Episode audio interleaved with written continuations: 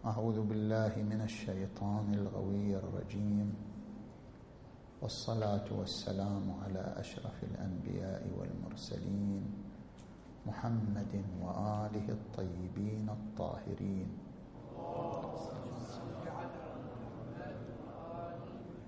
واللعن الدائم على أعدائهم أجمعين إلى قيام يوم الدين. ما زال الكلام في أن السياق القرآني المتشكل من ترتيب الآيات هل هو حجة أم ليس بحجة؟ وقلنا بأن هناك أدلة للمثبتين وأدلة للنافين. وما زال الكلام في أدلة المثبتين وهو أن ترتيب الآيات والسور خضع لإمضاء المعصوم عليه السلام وبما أنه قد خضع لإمضاء المعصوم عليه السلام فهو حجة. وبالتالي فالسياق المتحصل من هذا الترتيب ترتيب الآيات سياق يعمل به في مقام تحديد المفهوم القرآني سواء كان في مجال الفقه أو مجال المعتقد أو غير ذلك. ووصل الكلام إلى النحو الرابع. من أنحاء الاستدلال بالآيات القرآنية على أن ترتيب القرآن ترتيب إلهي لم يتغير بتدخل البشر فيه. فمن هذه الآيات التي استدل بها على المطلب ما يبتني على مقدمتين المقدمة الأولى. إن ظاهر مجموعة من الآيات القرآنية كونها في مقام إثبات إعجاز القرآن عن طريق تحدي المجتمع البشري بإتيان مثله. قل لئن اجتمعت الإنس والجن على أن يأتوا بمثل هذا القرآن لا يأتون بمثله.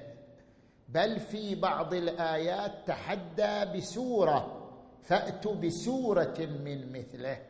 وفي بعضها بعشر سور مثله مفتريات. مما يعني أن هناك مجموعة من الآيات القرآنية تنص على أن القرآن معجز بحيث لا يمكن للمجتمع البشري مجاراته ولو بسورة فضلا عما هو الأكثر منها. هذه المقدمة الأولى. المقدمة الثانية إن المماثلة فرع وجود السياق.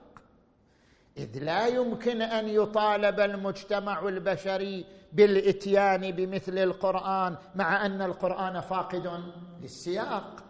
فلا بد من وجود سياق أي لا بد من وجود ترتيب إلهي بين آياته وسوره بحيث يقال ائتوا بمثله. حيث إن المماثلة تقتضي المقارنة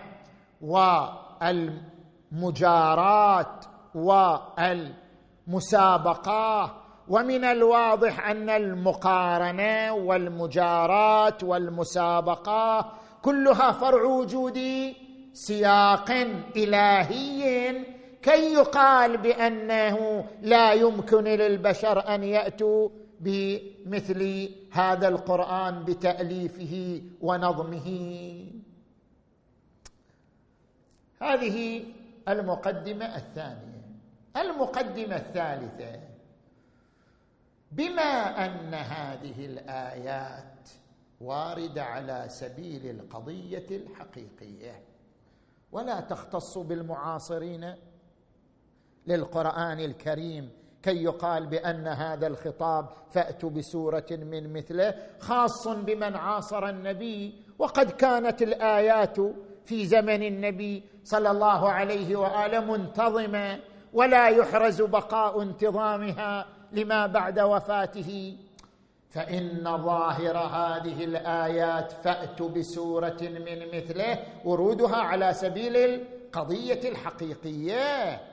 فهي لا تختص بجيل دون جيل. إذ الغرض من هذه الآيات إثبات إعجاز القرآن على ممر العصور والأزمان. لا خصوص أنه معجزة في زمن النبي المصطفى صلى الله عليه وآله. فمن أجل ذلك نقول لو لم تتدخل اليد الإلهية في حفظ نظم القرآن وترتيب آياته على ممر الأزمنة لكان مطالبة الناس بالإتيان بمثله مع فقد انتظامه شنو؟ لغوا بل هو نقض للغراض إذ ما دام الغرض إثبات إعجاز القرآن وإثبات إعجاز القرآن يتوقف على كون نظمه نظما الهيا. فلو كان القرآن معرضا لاختلال هذا النظم بعد وفاة النبي صلى الله عليه وآله فإما أن نرفع اليد عن هذه الآيات القرآنية ونقول بأنها خاصة بزمانه وهذا خلف ورودها على سبيل القضية الحقيقية. وإما أن نقول إن اليد الإلهية كما تدخلت في حفظ القرآن عن الزيادة والنقص فقد تدخلت في حفظه عن اختلال نظام سياقه من أجل أن لا يلزم من اختلال هذا النظم بعد وفاة النبي نقض الغراض. هذا هو النحو هذا هو النحو الرابع من الاستدلال بالآيات القرآنية على عدم التحريف النحو الخامس. ما ورد في القرآن من الأمر بالتدبر. أفلا يتدبرون القرآن؟ ولو كان من عند غير الله لوجدوا فيه اختلافا كثيرا. أفلا يتدبرون القرآن أم على قلوب أقفالها ليدبروا آياته كما في آية ثالثة؟ والأمر بالتدبر على نحو الإطلاق. إذ لم تكن هناك قرين في آيات الأمر بالتدبر على أن موضوع التدبر خصوص آيات الأحكام أو خصوص آيات المعتقدات أو خصوص آيات الموعظة بل مطلق المقتضى إطلاق الأمر بالتدبر في القرآن هو وجود سياق متكامل للقرآن قابل قابل للتدبر فيه بنحو يحرز به عدم الاختلاف والتناقض والتهافت بين آياته وهذا لا يتم إلا مع بقاء النظم الإلهي لآيات القرآن في كل زمنين النحو السادس. وهو أيضا يعتمد على مقدمتين. المقدمة الأولى قد ورد في بعض الآيات القرآنية قوله تعالى لا تحرك به لسانك لتعجل به. إن علينا. مو شغلك. إن علينا جمعه وقرآنه. فإذا قرأناه فاتبع قرآنه ثم إن علينا يعني حتى البيان علينا. مو بس الجمع والقرآن بل حتى البيان علينا. ثم إن علينا بيانه. وظاهر هذه المجموعة من الآيات القرآنية استناد القرآن مضمونا ولفظا وترتيبا لل لله تبارك وتعالى. إن علينا جمعه وقرآنه فإذا قراناه فاتبع قرآنه ثم إن علينا بيانه مما يعني أن هناك يدا إلهية تعهدت بهذا القرآن مضمونان وترتيبان وسياقان إلى غير ذلك. هذه المقدمة الأولى. المقدمة الثانية لازم ذلك عقلا أن الهدف من نزول القرآن على المجتمع البشري متوقف على هذا الحفظ. فإن الهدف من نزول القرآن على المجتمع البشري عمل البشر بالرسالة السماوية وعمل البشر بالرسالة السماوية متوقف على أن يصل إليهم القرآن محفوظا بيد إلهية مضمونا وشكلا وترتيبا. وإلا لم يتحقق الهدف من نزول القرآن إليهم. فإن نفس هذه الآيات وتعهد الله وتعهد الله تبارك وتعالى بحفظ القرآن من تمام الجهات. ظاهر في أن الهدف من نزوله يتوقف على هذا النوع من الحفظ. وإلا لما كان هناك حرص على تدخل اليد الإلهية حتى في البيان فضلا عن نظمه وتأليفه الذي يتوقف فهم القرآن والوصول إلى مقاصده عليه. هذه المقدمة الثانية. النتيجة نتيجة هاتين المقدمتين. أن يقال بأنه إذا كان الله قد تعهد حتى بالقراءة وطريقتها. كما تعهد بالبيان. فمن باب أولى أن يكون هناك تعهد بشنو؟ بترتيب الآيات القرآنية وحفظ حفظ النظم وحفظ النظم القرآني باعتبار أن الاستفادة من القرآن متوقفة على ذلك فتعهده حتى بالقراءة والبيان دال بالدلالة الالتزامية على تعهده بحفظ الترتيب. وهذا يعني أن عدم استمرار حفظ القرآن واختلال نظمه بعد وفاة النبي صلى الله عليه وآله نقض للغرض المستفاد من هذه الآيات المباركات. هذا تمام الكلام في الاستدلال بالقرآن على بقاء ترتيب آياته الدليل الثاني الدليل الروائي وهو عبارة عن الاستناد إلى أخبار الطرح والعرض والترجيح. فقد ورد في الروايات الشريفة أكثر من تسعة وعشرين رواية تأمر إما بعرض الأخبار على القرآن أو بطرح ما خالف القرآن أو بترجيح ما وافق القرآن على ما خالفه. وهنا لا بد أن نذكر مقدمات لهذا الاستدلال. المقدمة الأولى ما ورد في معتبره أيوب ابن الحر سمعت أبا عبد الله عليه السلام يقول كل حديث مردود إلى الكتاب والسنة.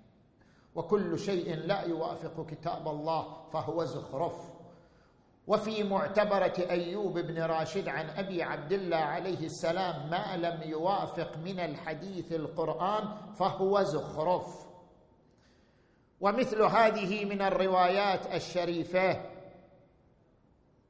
موثقة السكوني عن أبي عبد الله عليه السلام قال قال رسول الله صلى الله عليه وآله إن على كل حق حقيقة وعلى كل صواب نورا فما وافق كتاب الله فخذوه وما خالف كتاب الله فدعوه وفي رواية جميل بن دراج الوقوف عند الشبهة خير من الاقتحام في الهلكة فما وافق كتاب الله فخذوه وما خالف كتاب الله فدعوه. وفي هذه الرواية الشريفة خطب رسول الله صلى الله عليه وآله فقال يا أيها الناس ما جاءكم عني يوافق كتاب الله فأنا قلته وما جاءكم عني يخالف كتاب الله فأنا لم أقله. ومن الواضح أن الأمر بعرض الروايات على الكتاب فرع وجود سياق للكتاب. إذ لو لم يكن هناك سياق إلهي بمعنى وجود نظم إلهي لآياته لم يكن معنى للأمر بعرض الأخبار والروايات عليه فما وافق يؤخذ وما خالف يطرح. أو ما وافق فهو قد قاله وما خالف فهو زخرف.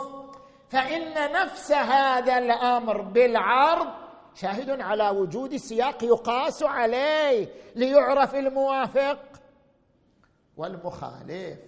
هذه المقدمة الأولى. المقدمة الثانية.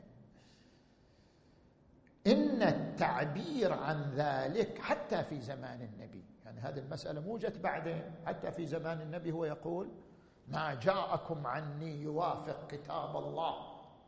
فهو كذا شاهد على وجود كتاب معهود بين المسلمين له سياق معين ونظم معين. لذلك أمر الرسول بالرجوع إليه وقياس ما ينقل عنه عليه. وإلا لو لم يكن هناك كتاب ذو نظم معين معهود بين المسلمين لكان مثل هذا الأمر من قبل النبي صلى الله عليه وآله لغوان.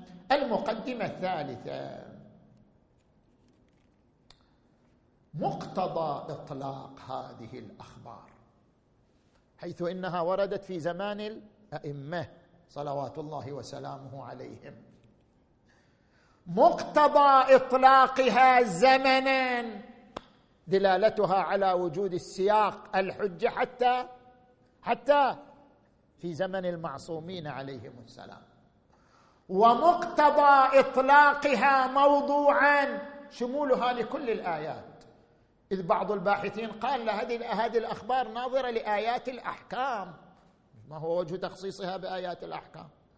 هذه الروايات تقول ما وافق كتاب الله فخذوه وما خالف كتاب الله فذروه مقتضى إطلاقها أن لا فرق بين آيات الأحكام وآيات المعتقدات وآيات المواعظ وآيات التاريخ فإن أحاديثهم صلوات الله وسلامه عليهم تنوعت وشملت سائر الأبواب والحقول وبالتالي فمقتضى إطلاق هذه الأخبار زمنا وموضوعا أن للقرآن سياقا حجة حتى بعد مجيء زمان المعصومين صلوات الله وسلامه عليهم أجمعين مما ينفي احتمال اختلال النظم بتصرف من قبل من حكم بعد النبي صلى الله عليه وآله حيث إن هذا الأمر بالمراجعة للكتاب حتى في زمن المعصومين وعلى إطلاقه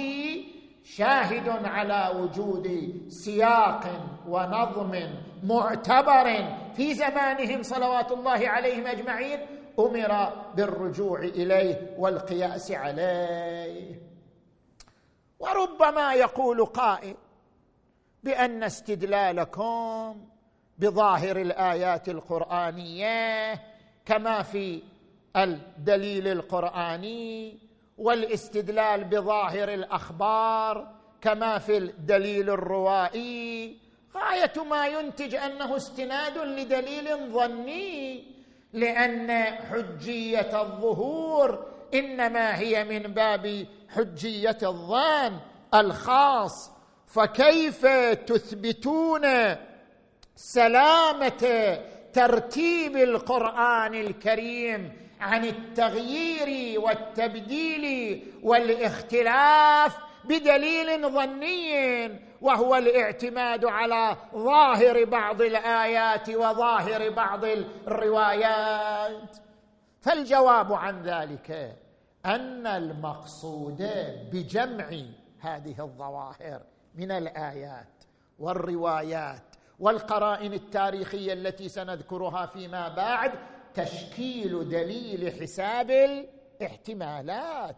فإن مقتضى تراكم الاحتمالات مع تنوعها واختلافها مضمونا حصول درجة الوثوق العقلاء بسلامة ترتيب القرآن وانحفاظ نظمه حتى لما بعد زمان المعصومين صلوات الله وسلامه عليهم أجمعين. الدليل الثالث الدليل التاريخي وهو ما ذكره سيدنا الخوئي قدس سره الشريف في كتاب البيان في تفسير القرآن صفحة 215 فما بعدها. فقد أفاد بما ملخصه حيث إن الكلام طويل جدا. بما ملخصه أفاد بأن الدليل التاريخي شاهد على سلامة القرآن من أي تغيير بحيث يحصل الاطمئنان بأن هذا القرآن الذي بين أيدينا هو من خضع لإمضاء المعصوم عليه السلام. وذلك بأنحاء ثلاثة. النحو الأول اهتمام النبي بالقرآن. من خلال قوله تعالى ويعلمهم الكتاب. هو القرآن قال هو الذي بعث في الأميين رسولا منهم يتلو عليهم آياته ويزكيهم ويعلمهم الكتاب. ومن الواضح أن تعليم الكتاب فرع وجود. سياق للكتاب حتى يقوم بتعليمه وبيانه وبما أن قوله ويعلمهم الكتاب شامل لكل الكتاب ولم يختص بآيات دون آيات فهذا دليل على أن نظم القرآن نظما استدعى تعليم النبي له قد تم في زمانه صلوات الله وسلامه عليه وآله. زين. النحو الثاني الأحاديث الكثيرة الواردة عن النبي وأهل البيت من الأمر بحفظ القرآن وتلاوته وتعلمه فإن هذه المجموعة الوافرة من الآيات دالة بالدلالة الالتزامية على وجود سياق ونظم يحفظ. ويتعلم ويعمل به وإلا لم يكن معنى لهذا الأمر بحفظ القرآن لأن كلها شنو؟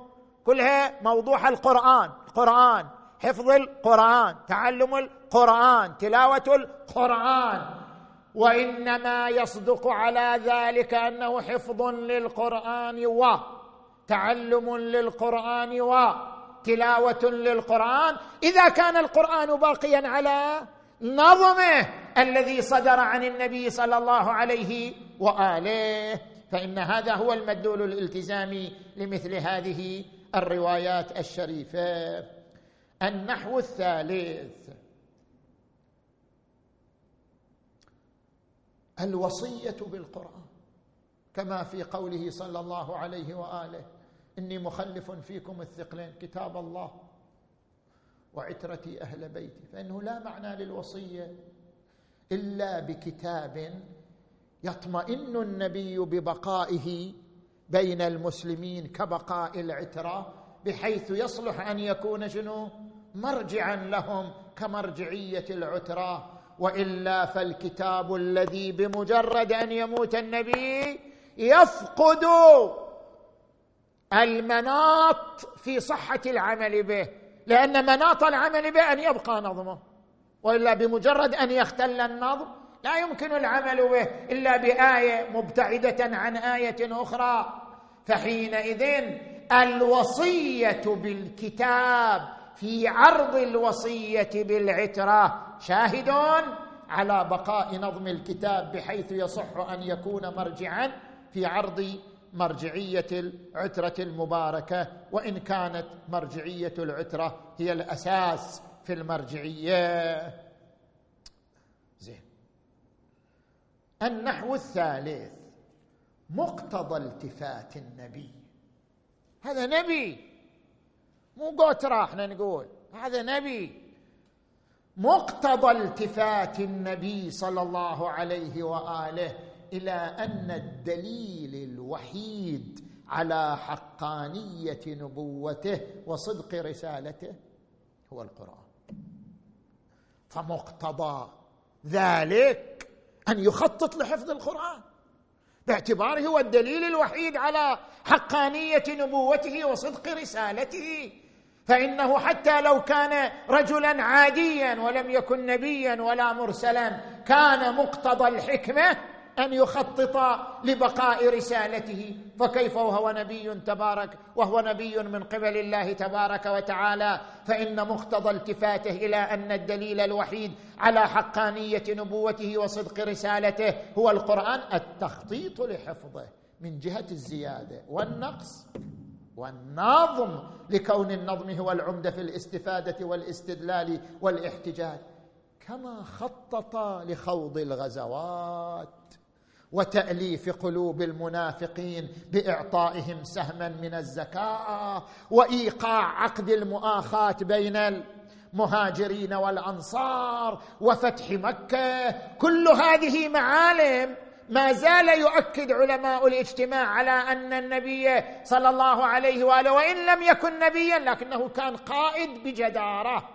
لأن ظاهر هذا التاريخ من حياته أنه كان بالغ الدقة والحكمة في تثبيت رسالته بطرق مختلفة. سلك من خلالها خوض الغزوات والتأليف بين القلوب وعقد المؤاخاه والتخطيط لفتح مكة وفرض أحكام الأنفال وغيرها. كل هذا يكشف عن رجل يمتلك تخطيط لبقاء نبوته ورسالته. فإذا كان قد قام بهذا التخطيط كله في الأمور الأخرى فكيف بما هو؟ العمدة في نبوته ورسالته ألا وهو حفظ القرآن عن اختلال الناظم؟ الأخير النحو الأخير. لا توجد آية ولا رواية. من أهل البيت صلوات الله عليهم أجمعين. ترشد إلى اختلال نظم القرآن. حتى يومنا هذا. آية ترشد إلى اختلال نظم القرآن. مع صدور الكثير من رواياتهم الذامة لمناوئيهم. وما حصل من قبلهم من الظلامات والتغيير للأحكام والتحريف للحدود إلا أنه لم تصدر رواية تؤكد بصراحة على اختلال شنو؟ نظم القرآن الكريم مما يشهد أن النظم القائم مما خضع لإمضائهم صلوات الله وسلامه عليهم وهذا كاف في حجية النظم وترتيب الآيات وبذلك تم الكلام في الأدلة أدلة المثبتين للسياق القرآني ونتعرض في الأسابيع القادمة لأدلة النافين والحمد لله رب العالمين.